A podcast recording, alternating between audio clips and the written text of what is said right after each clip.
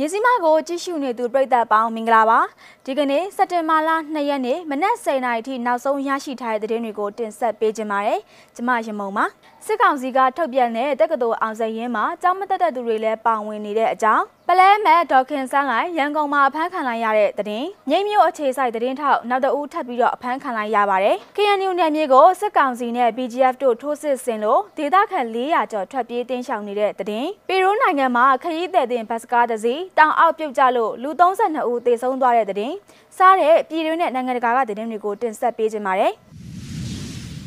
စစ်ကောင်စီကတက္ကသိုလ်တွေရဲ့အောင်စရင်တွေထုတ်ပြန်ရမှာကျောင်းမတက်တဲ့သူတွေရဲ့နာမည်စရင်တွေလည်းပါဝင်နေတယ်လို့မြန်မာနိုင်ငံကျောင်းသားသမဂ္ဂအဖွဲ့တွေကထုတ်ပြန်ပါတယ်စစ်ကောင်စီကပြီးခဲ့တဲ့မေလနောက်ဆုံးပတ်မှာတက္ကသိုလ်တွေကိုအတင်းဖွင့်လှစ်ခဲ့ပြီးတော့မအောင်မနေစနစ်နဲ့အောက်ဂုတ်လမှာအောင်စရင်ထုတ်ပြန်ထားတာပါအောင်စရင်တွေမှာစစ်ကောင်စီကပညာရေးစနစ်ကိုတပိတ်မှောက်တဲ့ကျောင်းမတက်တဲ့သူတွေပါဝင်နေတယ်လို့ COVID-19 ကူးစက်ခံရလို့စာမေးပွဲမဖြေလိုက်ရတဲ့သူတွေလည်းပါဝင်နေတာပဲဖြစ်ပါတယ် ဒီလိုပါဝင်နေတဲ့သူတွေရဲ့စည်ရင်းတွေကိုတက္ကသိုလ်ကောင်စီကနာမည်ထုတ်ပြန်ပေးသွားမှာဖြစ်ပြီးတော့စစ်ကောင်စီအနေနဲ့တာဝန်ယူရမယ်လို့လည်းပြောထားပါသေးတယ်။ထုတ်ပြန်ချက်မှာစစ်ကောင်စီကထုတ်ပြန်တဲ့အောင်စည်ရင်းနဲ့ပေးရတဲ့ဘွဲလက်မှတ်တွေကိုအတိအမှတ်မပြုတ်သလိုပညာရေးအတိုင်းဝိုင်းကလည်းဖယ်ကျင်မှုတိုက်တွန်းထားပါတယ်ရှင်။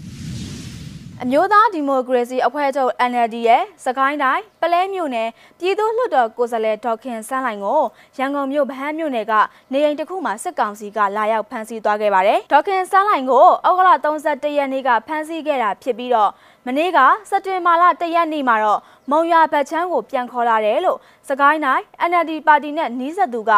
RFA သတင်းဌာနကိုပြောဆိုထားတာပါ။ ဒေါခင်ဆောင်လိုက်နဲ့ပါတီဝင်12ယောက်ကိုပလဲမြို့နယ်အထွေထွေအုပ်ချုပ်ရေးဦးစီးဌာန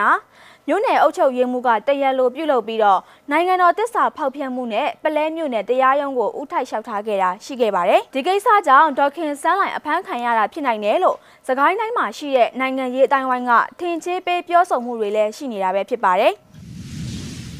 ဘိန်းမျိုးကသတင်းထောက်တအူမနေ့ကထပ်မံပြီးတော့အဖမ်းခံလိုက်ရပါတယ်။တနင်္သာရီတိုင်းဒေသကြီးဘိန်းမြို့အခြေဆိုင်11 Media သတင်းထောက်ကိုစောမိုးဦးကိုစစ်ကောင်စီတပ်ဖွဲ့ဝင်တွေကစက်တင်ဘာလ၁ရက်နေ့မနက်အစောတနာရီကနေအိမ်မှာလာရောက်ဖမ်းဆီးခေါ်ဆောင်သွားခဲ့တာပဲဖြစ်ပါတယ်။စစ်ကောင်စီတပ်ဖွဲ့ဝင်တွေဟာကားသုံးစီးနဲ့ရောက်လာပြီးတော့အိမ်တကားကိုအတင်းဖွင့်ခိုင်းကဖမ်းဆီးခေါ်ဆောင်သွားတာလို့မွန်ပြည်နယ်အခြေဆိုင်တန်လွင်တိုင်းရဲ့သတင်းဌာနမှာဖော်ပြထားတာပါ။ အိမ်တအိမ်လုံးကိုမှွေနောက်ရှာဖွေပြီးဖုံးတွေတင်သွားတယ်လို့လည်းကိုစော်မိုးဦးရဲ့ဇနီးကပြောဆိုခဲ့ပါတယ်။သတင်းထောက်ကိုစော်မိုးဦးကိုဘယ်နေရာမှာဖမ်းဆီးထိန်းသိမ်းထားလဲမသိရသေးသလိုမိသားစုနဲ့လက်ရှိအချိန်ထိအဆက်အသွယ်မရသေးပါဘူးလို့သိရပါတယ်ရှင်။ကိုစော်မိုးဦးဟာမြိတ်မြို့ကထုံးဖို့လူငယ်များပရာဟိတနိုင်ရေးကူညီမှုအသင်းအဖွဲ့ဝင်တဦးလည်းဖြစ်သလိုကိုဗစ်အရေးအတွက်နေရောညပါပါဝင်ကူညီဆောင်ရွက်နေသူတဦးလည်းဖြစ်ပါတယ်။ ကရင်မျိုးသားစီယုံ KNU တပ်မဟာ6နယ်မြေကိုစစ်ကောင်စီတပ်နဲ့သူတို့ရဲ့လက်အောက်ခံနယ်ကြားဆောင်တပ်ဖွဲ့ BGF တို့က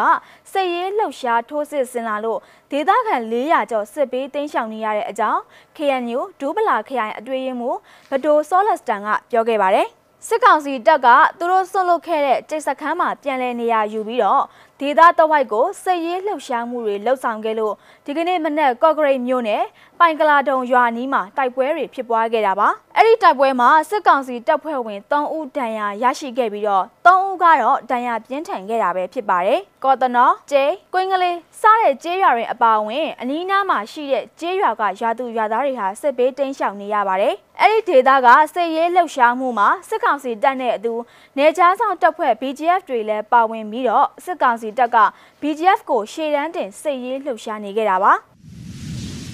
ဆက်လက်ပြီးတော့ပီရူးနိုင်ငံမှာခရီးသည်တင်ဘတ်စကားတစီတောင်အောက်ပြုတ်ကြလို့လူ32ဦးသေဆုံးသွားတယ်ဆိုတဲ့နိုင်ငံတကာသတင်းတစ်ပုဒ်ကိုလည်းဆက်လက်ရှုစားရအောင်ပါရှင်။ဩဂုတ်လ31ရက်အင်္ဂါနေ့ကပီရူးနိုင်ငံမှာခီးသည်တင်ဘတ်စကားတစီတောင်အောက်ပြုတ်ကျခဲ့တဲ့အတွက်ကလေးနှစ်ဦးအပါအဝင် လူ32ဦးသေဆုံးခဲ့ပြီး20ကျော်ထိခိုက်ဒဏ်ရာရသွားခဲ့ပါတယ်။ဒါဟာနိုင်ငံတွင်းမှာ၄ရက်အတွင်းတတိယမြောက်လူအသေးအပြောက်အများဆုံးရင်မတော်တဆမှုဖြစ်ခဲ့ပါတယ်။ ရင်မတော်တဆမှုဖြစ်ပွားခဲ့ရာနေရာကတော့မြို့တော်လီမာရဲ့အရှိတ်38မိုင်အကွာကာရီတေရာဗဟိုလမ်းမကြီးရဲ့လမ်းချင်းတနေရာဖြစ်ပါတယ်။ကံမကောင်းအကြောင်းမလှစွာနဲ့ပဲလူ32ဦးသေဆုံးခဲ့ပါတယ်။သေဆုံးသူထဲမှာ6နှစ်အရွယ်ယောက်ျားလေးတူနဲ့3နှစ်အရွယ်မိန်းကလေးတူပါသွားတယ်လို့ရဲမှုစီဇာ7 day ကဆိုပါတယ်။အဆိုပါဘတ်ကားပေါ်မှာခီးတဲ့63ဦးလိုက်ပါလာခဲ့တာဖြစ်ပါတယ်။ အလောင်းတွေကောက်ဖို့နဲ့ရှင်ကျန်ရစ်သူတွေကိုကယ်တင်ဖို့ရှာဖွေကယ်ဆယ်ရေးလုပ်ငန်းတွေလှုပ်ဆောင်နေပြီဖြစ်ကြောင်းရဲဌာနက Twitter လူမှုစာမျက်နှာပေါ်မှာတင်ခဲ့ပါတယ်။အင်္ဂါနေ့ကရင်းမတော်တဆမှုဖြစ်စဉ်ဟာအရှိန်ပြင်းပြင်းနဲ့မစင်မချင်းမောင်းနေမှုကြောင့်ဖြစ်ပွားခဲ့ရတာလို့စာဗန်တီကမှတ်ချက်ပေးပါတယ်။ကားကလမ်းဘေးကကြောက်တုံးကိုဝင်တိုက်ပြီး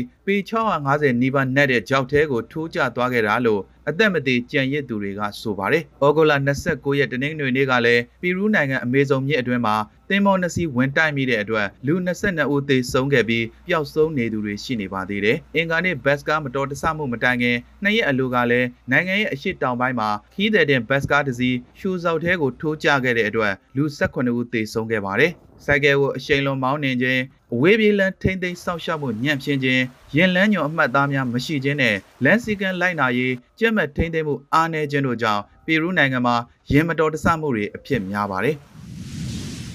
ကြည့်ရှုနားဆင်ပေးကြတဲ့အတွက်ကျေးဇူးတင်ပါတယ်အားလုံးပဲတာယာလှပတဲ့မနက်ခင်းလေးကိုပိုင်ဆိုင်ကြပါစေရှင်